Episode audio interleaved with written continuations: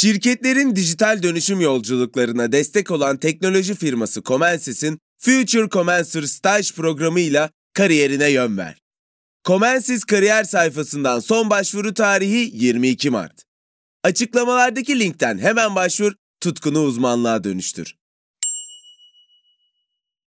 Salus online terapinin yanında size özel ücretsiz içerik planıyla kişiselleştirilmiş bir deneyim sunuyor. Siz de nefes ve farkındalık çalışmaları, meditasyonlar ve çeşitli egzersizlerden faydalanabilirsiniz. Değişim ve gelişim sürecinde hem fiziksel hem de mental sağlığınızı destekleyebilirsiniz. Kendi en iyinizi yaratmak için Salus uygulamasını indirin. Başlangıç 10 koduyla %10 indirimli kullanın. Bugün 12 Kasım 2022.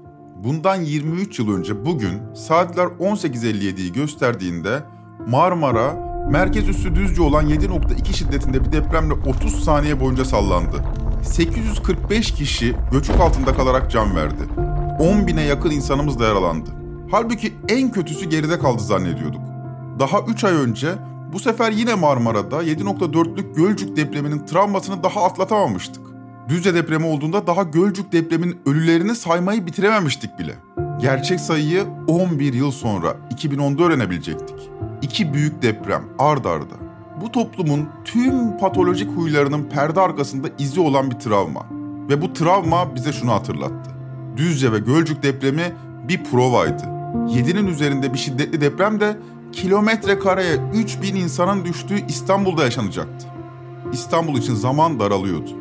3 ayda 19 bin insanın feci şekilde can verdiği ve ard arda yaşanan iki facianın ardından bu topluma çok daha büyük bir facianın kapıda olduğu söyleniyordu.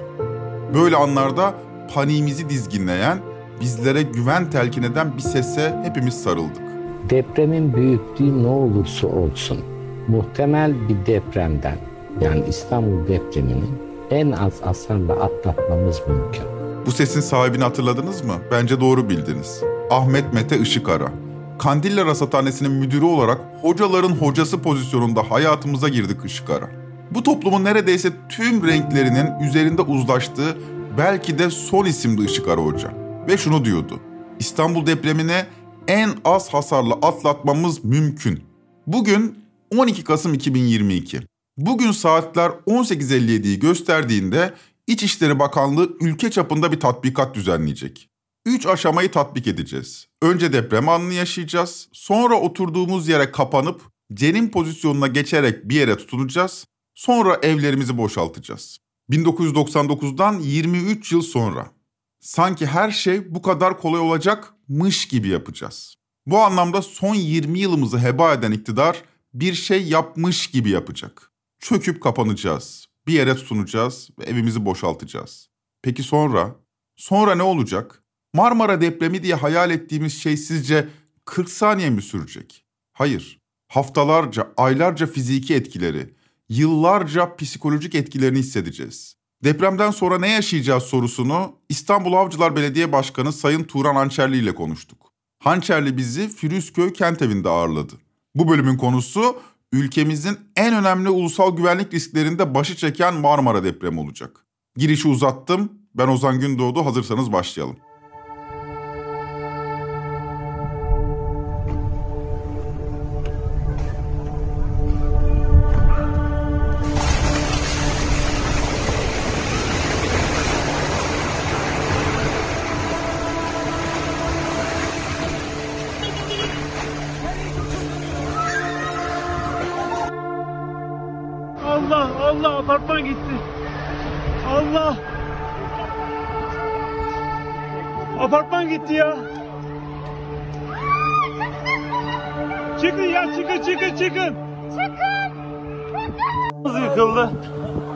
An itibariyle.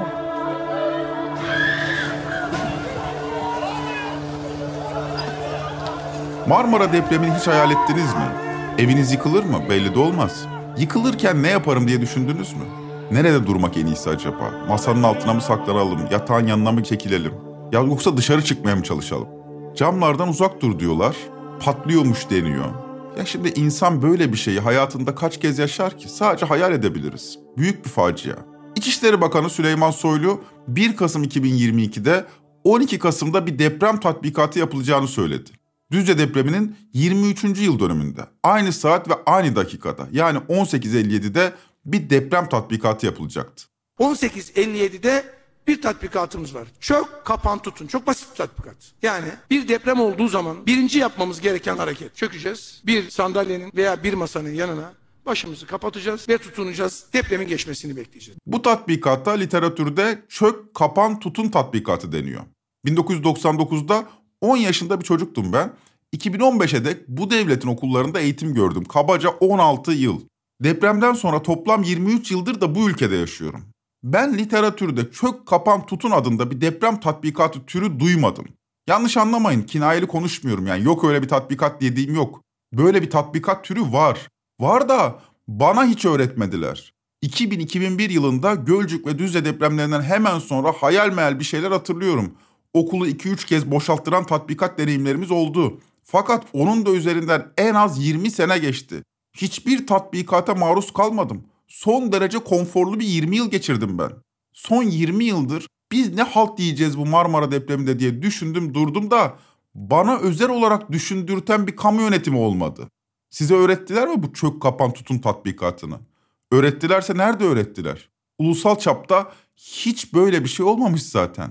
23 yıl sonra ilk kez oluyormuş. ilk kez. 12 Kasım Düzce depreminin 1857 yıl dönümü ve bütün ülkemizde ilk kez Japonya'da yıllardan beri yapıldığı gibi ilk kez bir ülke tatbikatı yapılacak. 1857'de. İlk kez bu çalışmaya imza atan Süleyman Soylu'yu tebrik etmek gerekir. Geç olsun güç olmasın. Ben bu ilk kez ifadesini duyunca biraz rahatladım açıkçası.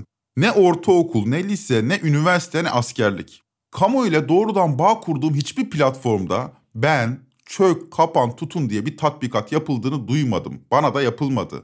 Buna rağmen herkesin bildiği bir şey de ben mi açıkta kaldım diye endişeliydim. Herkes biliyor da ben mi bilmiyorum. Meğer Japonya'da her yıl yapılan şey bizde ilk kez yapılıyormuş zaten. Bu nedenle affedersiniz mallık bende değilmiş diye biraz rahatladım. Zaten bizde de ilk kez yapılıyormuş. Ne yapmamız gerekiyor diye biraz kurcaladım. Yapmamız gereken şeye ilişkin bir de eğitim içeriği yayınlanmış. Lütfen dikkatle dinleyin çünkü deprem anında bu eğitim içeriğinde anlatılanları yapmalıyız. Öncelikle sakin olun ve telaşa kapılmayın. Pencerelerden ve size zarar verebilecek eşyalardan uzak, güvenli bir yerde sağlam bir nesnenin yanına çök, kapan tutun hareketlerini yapın. Başınızı ve boynunuzu korumaya almak için ellerinizle başınızı ve ensenize kapatın.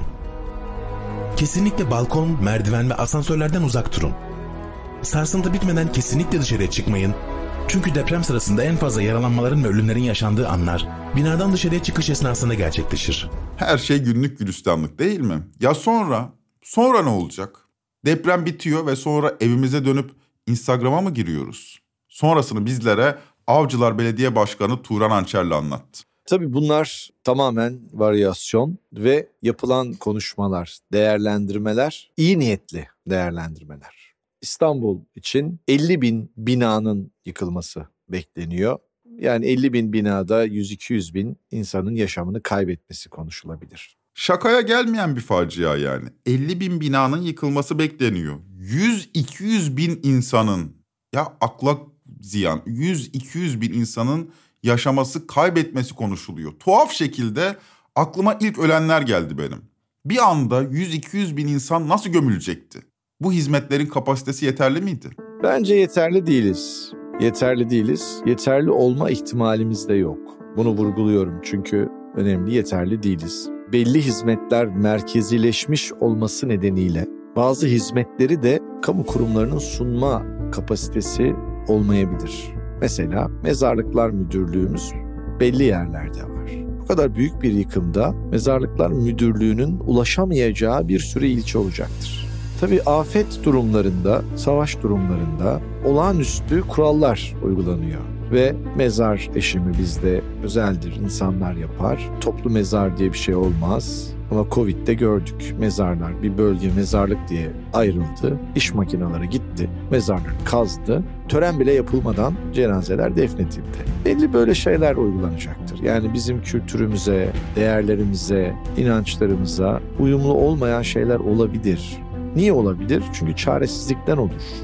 Başka çare olmadığından olur ve doğa kuralları sizin hesaplarınızı beklemez ki. Beklemez, yapmak durumundasınız. Yani eğer belli bir süre uygun koşullarda cenazeyi bekletmezseniz, uygun koşulda değilse artık çevreye de zarar vermeye, koku vermeye ve başka sıkıntılar yaratmaya başlar. Sorunların artmasına vesile olur. Bu kapsamda şunu söylüyorum. Kış ayı ise eğer depremde ölmemiş birçok insanın soğuktan ölme riski çok yüksek. Yaz ayı ise eğer deprem nedeniyle ölmeyen, yıkıntı nedeniyle ölmeyen insanlarımızın önemli bir sayıda insanımızın salgın hastalık nedeniyle ölme ihtimali yüksek. Hijyen ve virüs ve bakterilerin üremesi yazın mümkün.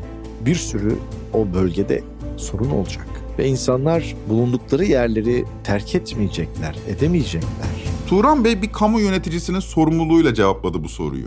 Ben de sizin duygunuzu sömürmek istemiyorum. Yani neler yaşanacağını, o 100 bin, 200 bin insan nasıl defnedileceğini özel özel anlatmak istemiyorum. Ama özetle toplu mezarlarımızın olacağı bir faciadan bahsediyoruz Marmara depremi derken. Ben Şişli'de yani Avrupa yakasında oturuyorum. Böyle bir anda arabaya atlarız Edirne'ye gideriz eşimle diye düşündüm. Bunu da sordum. Gidebilir misiniz acaba? Acaba yollar, köprüler, bulunduğunuz yerdeki arabanızı, eviniz yıkılmadı ama arabanızı uygun bir yol bulup kapalı olmayan yollara çıkarabilir misiniz acaba? Emin değilim. Yani bir sokakta kendi otoparkınıza park ettiniz ve eviniz duruyor. Çok da güvenli sağ olun. Sokağın bir başında bir bina yıkıldı, yolu kapattı. Diğer başında başka bir bina yıkıldı, yolu kapattı. Arabanız artık gidemez. Turan Bey haksız değil. Hatırladınız mı? Sadece 3 yıl önce 2019'da 26 Eylül günü yaşanan Silivri depreminde neler yaşamıştık? O deprem sadece 5.8 şiddetindeydi. Marmara depremi için konuşulan rakamlar 6.5'tan başlıyor. Şimdi 5.8 ile 6.5'u kıyaslarken lütfen hata yapmayın. Küsürat fark varmış, hemen hemen aynıymış diye düşünmeyin lütfen. Bu yanıltıcı olabilir. Yani bu Richter ölçüleri düşündüğümüz gibi olmayabilir. Evrim ağacından Çağrı Mert Bakırcı Richter ölçeğine ilişkin şunları yazmış. Ölçek lineer değil, logaritmik olarak büyümektedir. Bir diğer deyişle Richter ölçeği üzerindeki her iki sayı arasındaki fark bir birim değil, 10 birimdir. Yani 7 büyüklüğündeki bir deprem, 6 büyüklüğündeki bir depremden bir birim ya da %16 büyük değil, 10 kat ya da %1000 büyüktür. Yani 6,5 üstü bir şiddetinde deprem bizim 3 yıl önce yaşadığımızdan en az 10 kat daha büyük. He. Yani Marmara depremi derken Silivri'de yaşadığımızın en az 10 katı büyüklükte bir şeyden bahsediyoruz. 3 yıl önce Silivri'de şunu yaşamıştık. Oldu olacak, geldi geliyor derken İstanbul bugün adeta Büyük Marmara depreminin provasını yaptı. Dev metropol 5,8'de sarsıldı. Korku ve panik içindeki milyonlar can havliyle kendini sokağa attı. Herkes endişeyle yakınlarına ulaşmaya çalıştı. Sadece 5.8 şiddetindeydi derken bundan bahsediyorum. 3 yıl önceki depremde yakınlarına ulaşamayan kaç kişiyiz? Çocuğunuz okuldan çıkınca kaç saatte evine gelebildi? Levent'te 4 saat mahsur kalan bankacılar var mı aramızda? Böyle bir depremde şehri terk etmeyi düşünebilmek Turan Ançerli'nin de söylediği gibi biraz iyimser olabilir. 50 bin konutun yıkılacağını da hesaba katarsak. O halde evde durmak en iyisi değil mi? Su ihtiyacınızı nasıl karşılayacaksınız? Doğalgaz deprem olmadan önce olurken kesilecek. Keseceğiz. Çünkü patlamalara ve yangınlara neden olmasın diye yapacağız. Erken uyarı sistemleri bunun için önemli. Ve erken uyarı sistemleriyle deprem olmadan önce doğalgazın kesilmesini istiyoruz. Su olacak mı bilmiyoruz. Olabilecek mi bilmiyoruz. Evet altyapılar kuvvetlendiriliyor, güçlendiriliyor ama bir sürü farklı mesele ve sorunla karşı karşıya olacağız. Ee, en azından bir süre olmayacak. Yani böyle 7.2'lik bir depremi konuştuğumuzda hatlardan bağımsız başka yapıların yıkılmasından kaynaklı olmayacak. Peki nasıl besleneceğim? Daha doğrusu sadece benim genelimde sormuyorum. 20 milyonluk bir kent. Doğalgazı kesik, su olacak mı olmayacak mı belli değil ve inanılmaz bir keşmekeş. Bu esnada beslenme sorununu nasıl halledecek bu kent? Bu sorunların tamamının çözümü önemli ölçüde dayanışmada. Güçlü bir dayanışma örneği gösterecek toplum ve yaralarını sarmaya çalışacak. Fakat açık ifade etmek gerekirse kolay olmayacak. Turan Bey tüm soğukkanlılığıyla tabloyu resmederken insanın kanı çekiliyor. Bizde mi bir tuhaflık var yoksa bu Don't Look Up filmindeki gibi durum mu yaşıyoruz? Hayır yani çünkü ben 23 yıldır son derece rahattım açıkçası. Etrafımdaki herkes de rahat gibi yani. Dediğim gibi ben 2000'li ve 2010'lu yıllarda kamu okullarında öğrenciydim. Bize hiç böyle şeyler gösterilmedi. Kimse böyle bir facia yaklaşıyor muş gibi yapmıyordu. Yani muş gibi bile yapmıyordu ki çok şükür bugün tatbikat var. Her neyse biz burada bölüme kısa bir ara verelim. Döndüğümüzde Turan Ançerli ile sohbetimize devam edeceğiz.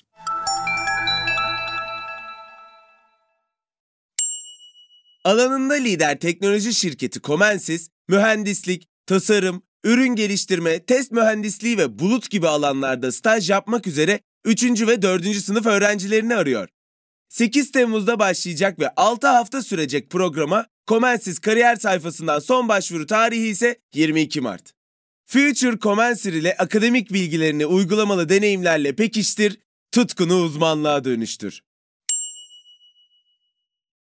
Salus uygulamasında klinik psikologların yanında online görüşme yapabileceğiniz farklı uzmanlar da var. Çocuk gelişim uzmanı, diyetisyen veya fizyoterapist. Bu sayede değişen ihtiyaçlarınıza uygun beslenme, egzersiz ve sağlıklı yaşam rutinleri oluşturabilirsiniz. Salus uygulamasını indirin ve başlangıç 10 koduyla %10 indirimden yararlanın. Detaylar açıklamalarda ve salusmental.com'da. Ne diyorduk? Kenti terk edemiyoruz, evde kalamıyoruz. Yani kalsak bir türlü, çıksak bir türlü. Neyse ki belediye var. Bizlere erzak dağıtırlar diye düşünüyorum ki Turan Bey'e bunu da sordum. Biz dağıtmak isteriz, çok isteriz. Ama afetin, depremin mağduru belediye aynı zamanda. Kaç belediye binası, kaç valilik, kaç kaymakamlık binası acaba ayakta kalacak? Biliyor muyuz? Bilmiyoruz. Tamam, belediye çalışanlarıyla hizmet veriyor. Biz belediyeler çalışma arkadaşlarımızın yönettiğimiz kentte oturmasıyla övünüyoruz. Avcılarda oturuyorlar. Yani Trakya'da, Tekirdağ'da oturmuyor. Avcılarda oturuyor. Yani çalışma arkadaşımız, hizmet verecek arkadaşımız deprem mağduru. Ayakta mı, sağlıklı mı, yaşıyor mu bilmiyoruz. Ve açık ifade, net ifade, mağdurun başka bir mağdura destek olma ihtimali yok. Böyle büyük bir olayda çünkü bölgede herkes mağdur olacak. Ben dahil. Bir belediye başkanı olarak ben dahil. Ve bir sürü ayakta kaldık. Sağlıklıyız. Ama sağlıklı karar verebilecek ve sağlıklı çalışabilecek durumda olma ihtimalimiz yok. Çok güçlüyüz ama yok. Niye yok? Her sokakta bir tanıdığınız insanın ağlamasıyla, derdiyle, sıkıntısıyla karşılaşacaksınız. Sakin kalıp hareket etmeniz lazım. Ama bir insan evladı için zor bir süreç bu. Dolayısıyla böyle sağlıklı süreç yönetimleri olması mümkün değil. Turan Bey ile konuşurken açıkçası sizin de aklınıza gelecek endişeleri Turan Bey'e sordum. Yani sadece aklıma gelen soruları sormadım. Kenti terk etmek zor. Evde kalsanız su, yemek ve ısınma sorununuz var. Bir kere temiz suyu organize etmek gibi devasa bir gündem var. Tabii şebeke suyunu da depremde steril tutabilmek gerekiyor. Aksi halde Turan Bey'in dediği gibi yaz aylarında salgın hastalıklar bizi bekliyor, kış aylarında donma riski. Kamu otoritesinin gücünün yetmeyeceği bir krizden bahsediyoruz. Deprem deyince aklımıza ilk ne gelir? Güvenlik gelir değil mi? Böyle bir kriz anında güvenlik endişesi duymalı mıydık? 17 Ağustos'tan sonra yaşanan gasp vakalarını siz de duymuşsunuzdur. Birçok hikaye YouTube'da dolaşıyor. Burada dediğim gibi duygu sömürüsü yapmak istemiyorum. Bunları size dinletmek istemiyorum ama çok feci olaylar da yaşandı 17 Ağustos'tan sonra enkazlarda. Enkazlar hırsızlarla dolmuştu. Ben de içimdeki ırkçıyı çağırdım. Buna bir de İstanbul'da yaşayan milyona yakın göçmen ve yabancı nüfusu da ekledim. Neyse ki Turan Bey'in cevabı herkesin şapkasını önüne koyup düşünmesi gereken cinstendi. Sadece göçmenler değil, sen ben de suçlu olabiliriz dedi Turan Bey. Sadece göçmenler için değil, herkes için suç işleme potansiyeli artacak. Herkesin artacak. Ozan Bey sizin ve benim de. Suç işleme potansiyelimiz ve ihtimalimiz artacak. Neden? Çünkü Maslow'un ihtiyaçlar hiyerarşisi fiziksel ihtiyaçlar yani beslenme, barınma çözülemezse insanlar bu sorunlarını çözmek için maksimum çaba sarf ederler. Yani beslenme, gıda problemini çözmezse normal yollardan, hakkaniyet ve hukuka uygun yollardan çözemezse insanların çok önemli bir kısmı, çok önemli bir kısmı %90'lar hukuk dışı yollardan bu sorunlarını çözmek için harekete geçeceklerdir. Hem kendileri için hem sevdikleri için. Maalesef böyle. Mecbur kalacaklar. E, ne yapacaksınız? E, bunu çözeceksiniz. Bunu biliyoruz. Bunu çözmezseniz olmaz. Yani bunu çözmezseniz olmaz. İşte yoksulluğun yoğun olduğu yerlerde de suçun fazla olmasının tek nedeni bu. O insanların kötü insanlar olduğundan falan değil. Öyle görür bazıları ama öyle değil. Bazı adli tıpçılar da kişilerin karakterlerine, yapılarına göre böyle şeyler yapar. Bence doğru değil bu. Koşulların dayattığı, koşulların zorunlu kıldığı bir şey var. Aynı duruma dünyanın en iyi insanını da koysanız bir ihtimal. Bu haliyle en iyi çözüm İstanbul'dan taşınmak. Ya da şöyle söyleyeyim, Anadolu'da mesela Antalya'da yaşıyorsanız rahat olabiliriz diye düşünebilirsiniz. Onu da sordum Turan Bey. İstanbul'da oturmayanlar rahat mı olmalı? Ben böyle sordum. Turan Bey meseleyi çok daha ileri götürdü. Marmara depremi tüm dünyayı etkileyecek. Sadece kendi ülkemiz değil tüm dünyayı etkileyecek Marmara depremi. Çünkü İstanbul'dan Amerika'ya mal satan var mı sizce? Muhakkak var. İstanbul'dan Çin'e mal satan var mı? Ya da Çin'den mal alan var mı? Efendim depremle birlikte bu ilişkiler askıya alınacak. Çökmedi fabrika. Fabrika sapa sağlam duruyor. Ama o fabrikada çalışan ustalar, işçiler, yöneticiler bu kentte yaşıyorlar. Onların önemli bir kısmı kendilerine bir zarar gelmese de yakınlarına zarar gelmiş olacak ve normal bir yaşama adapte olmaları öyle kolay olmayacak. Amerika'ya mal gönderecek. Hazırladığı malın bir parçasını diyelim yani plastik bir parçasını İstanbul'un başka bir ilçesindeki bir imalathaneden alıyor. İmalathane çöktü diyelim. Hani fabrika çökmedi çöktü. Bir malda 20 30 40 50 kalem var. O kalemlerden birkaç tanesi çöktü mü sıkıntı. Yani koronavirüs hiçbir şeyi yıkmadı. Hiçbir şeyi yıkmadı. Ama tedarik zinciri ve üretim ilişkileri sarsıldı mı? Değişti mi? Değişti. Bu da böyle. Ne derseniz deyin. Şu anda ulusal güvenlik endişesi dediğimiz kaç şey var? Mesela Yunanistan, Mısır, Libya, Suriye vesaire bunları ekliyorsunuzdur.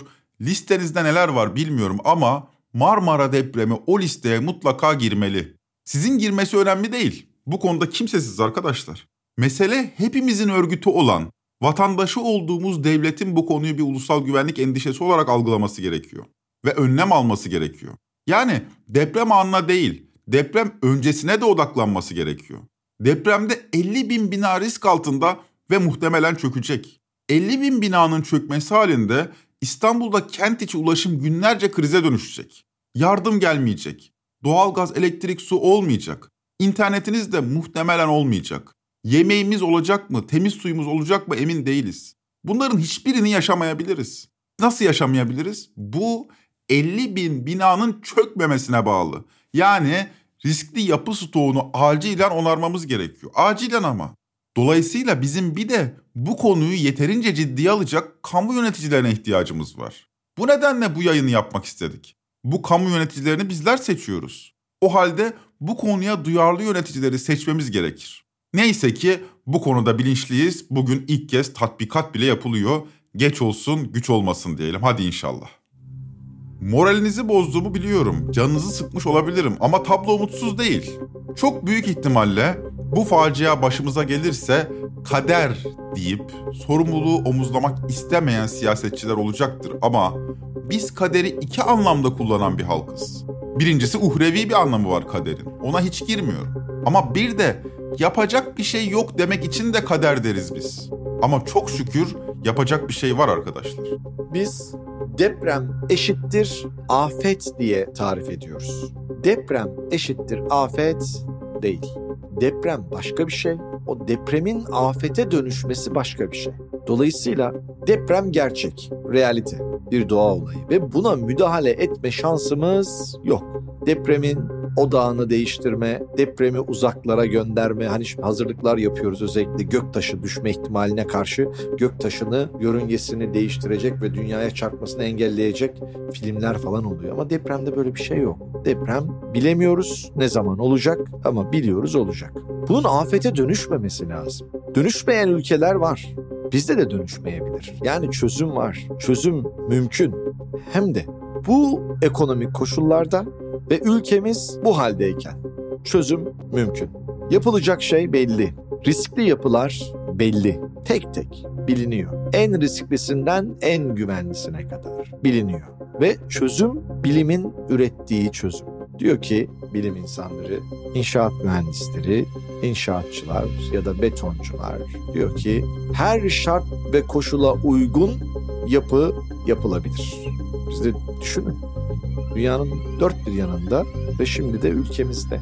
Bize demiyorlar mı? Nükleer santral güvenli yapılabilir ve güvenli yapıyoruz. Çünkü nükleer santral inanılmaz tehlikeli bir tesis. Ama depremlere karşı dayanıklı, her türlü felakete karşı dayanıklı tesisler yapıyoruz deniyor. Biz de inanıyoruz. Yapılar da mümkün. Dünyanın dört bir yanında var, yapılıyor. Dolayısıyla mevcut ve muhtemel senaryolara göre riskli yapıların güvenli hale getirilmesi mümkün. Bu konuyu Avcılar Belediye Başkanı Turan Ançerli ile konuşmamızın özel bir nedeni var. 17 Ağustos depreminde Avcılar'da konutlar çökmüştü. Avcılar için deprem açısından riskli bir bölgedir deniyordu. Hatta deprem riski yüzünden avcılarda reel konut fiyatları yıllar içinde geriledi. Fakat bu ilçede yarım milyon insan yaşıyor. Turan Bey seçim kampanyasını yaklaşan deprem üzerine kurguladı. Samimi şekilde de bu mesele eğilmiş görünüyor. Ekonomistlerle çalışıyor, bir yeni bir finansman paketi hazırlamaya çalışıyor ve hazırlamışlar da zaten. Sorunları sıraya diziyor ve en başa depremi koyuyor. Her yerden tasarruf ediyor ama deprem konusunda tasarruf etmiyor. Tabii biz depremi konuşmak üzere Turan Bey'den randevu isteyince sadece depreme odaklanmış gibi bir algı oluşabilir. Yani şunu demeye çalışıyorum. Turan Ançerli belediyeyi her işi yaparız anlayışıyla üretmiyor. Her işi yapamayız. Önceliğimiz deprem anlayışıyla yönetiyor. Bu arada başka bir şey yapmıyormuş gibi algı oluşmasın lütfen. Avcılar turumuzda kent evini ve istihdam ofisini gezme fırsatı bulduk. Kent evinde görevli psikologlarla tanıştık. Turan Bey hemen vurguladı. Biz burada danışmanlık hizmeti veriyoruz ama terapi hizmeti vermiyoruz. Çünkü o bizim işimiz değil diyor. Peki ne yapıyor? Kentsel dönüşümün en hızlı yaşandığı ilçelerden biri Avcılar. Bu anlamda örnek gösteriliyor. Rakam verebilir misiniz diye sordum. Şu yanıtı verdi Turan Bey. Biz 2 yıl içerisinde 20 bin konutun yenilenmesine vesile olduk. 20 bin konut, riskli konut, risk olmaktan çıktı güvenli bir yuva oldu. Güvenli bir yuva olma yolunda ilerliyor. Binlerce insan taşındı. Güvenli bir yuvaya taşındı. Binlercesi de taşınacak. 20 bin konutun 60 bin insana tekabül ettiğini söylemek istiyorum. 60 bin. Yani bizim nüfusumuzun yüzde 15'i. Peki tüm binalar mı riskli diye soracaksınız. Değil işte tüm binalar riskli değil.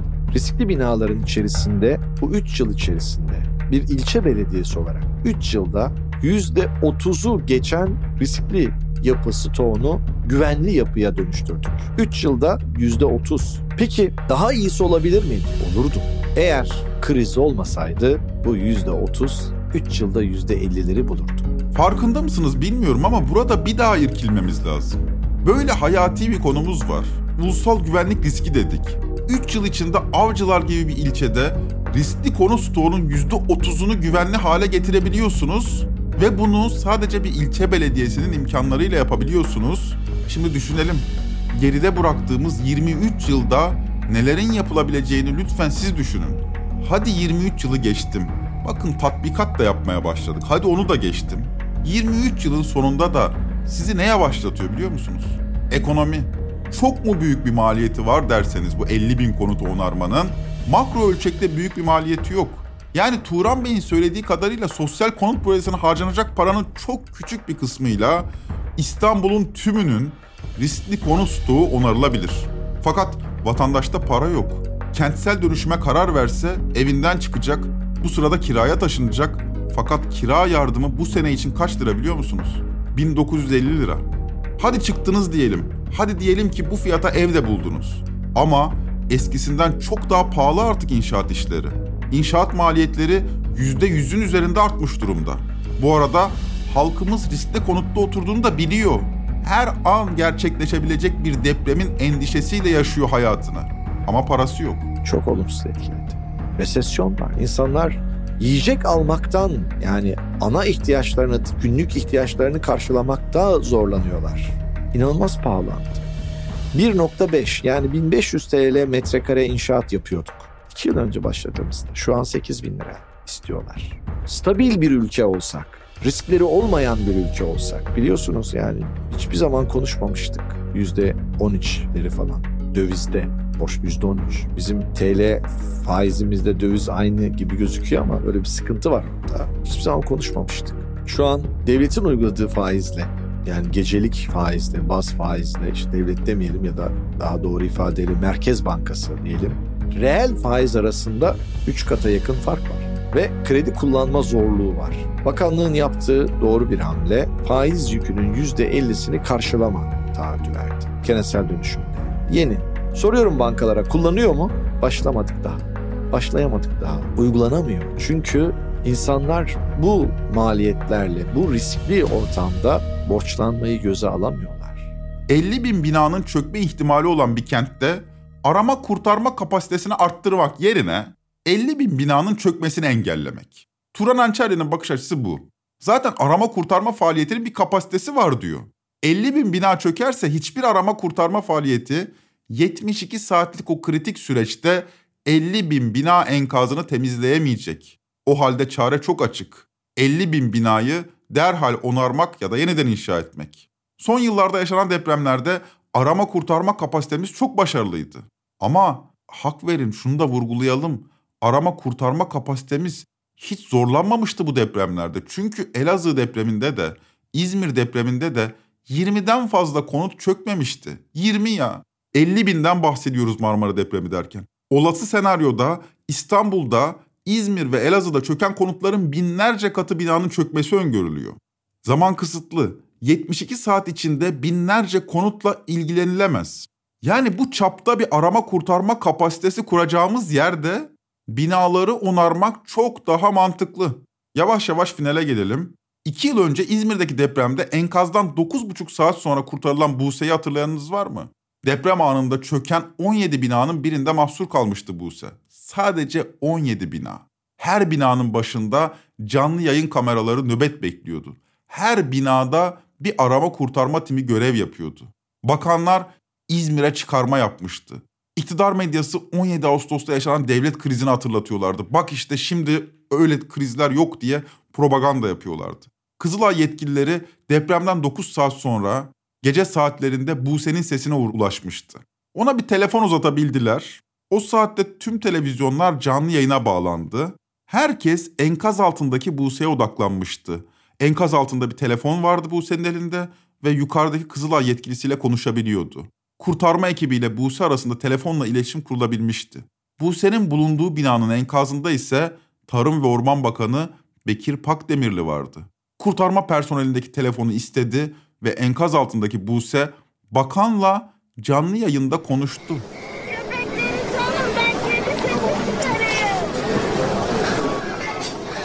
Tamam Buse çok güzel bir fikir. Bu köpekleri salacağız sen de kedi sesi çıkartacaksın. Moralini böyle yüksek tutmanı istiyorum. Moralini böyle yüksek tutmanı istiyorum. Tamam, tamam biraz sabret. Biraz sabret. Biraz sabret. Sizi bilmem ama ben bu hikayeden çok sıkıldım. Size de artık bu çiğliğin tiksinti verdiğini düşünüyorum. Yaklaşan Marmara depreminden sonra kader deyip geçilmesinden çok korkuyorum. Sizce çok mu abartıyorum? Bize güven veren bir sesle başlamıştık bu bölüme. Yine güven veren bir sesle bitirelim. Zeminin koşullarına göre yapının dizayn edilmesi lazım. Deprem mühendisi yumuşak bir zemine de deprem güvenli konut yapar. Yapabilir. Yapabilir. Hiç ve hiçbir şey olmaz. Yeter ki o koşulların yerine gelmesi lazım. Böyle diyordu bundan 20 yıl önce deprem dede.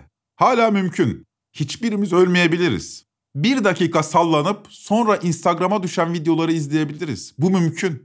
Bu toplum yeniden bir araya gelebilirse gerçekten çok büyük işler yapabilecek bir sinerji yaratabiliyor.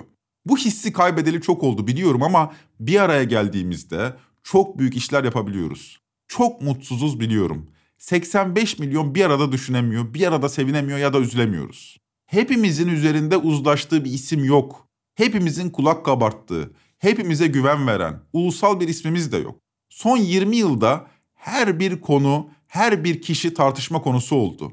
Ahmet Mete Işıkara hocayı yani namı diğer deprem dedeyi bir de böyle analım. O hepimizin üzerinde mutabık kaldığı son ulusal kahramanımızdı. Bunun üzerine her açıdan düşünmek gerekir. Trend Topi'yi Podbi Medya ile beraber hazırlıyoruz. Bir sonraki bölüme kadar hayatta kalabilmenizi dilerim. Hoşçakalın.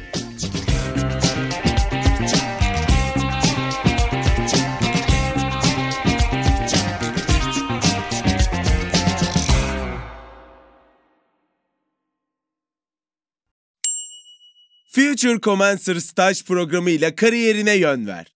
Comensis 6 haftalık staj programı için 3. ve 4. sınıf mühendislik öğrencilerini arıyor. Comensis kariyer sayfasından son başvuru tarihi 22 Mart. Açıklamalardaki linkten hemen başvur, tutkunu uzmanlığa dönüştür. Salus yetkin psikologları ile terapiyi her yerden ulaşılabilir kılmaya devam ediyor. Yaşam tarzı değişiklikleri, adaptasyon sorunları, yalnızlıkla başa çıkma gibi konularda online terapi desteği için Salus uygulamasını indirin. Başlangıç 10 koduyla %10 indirimli kullanın.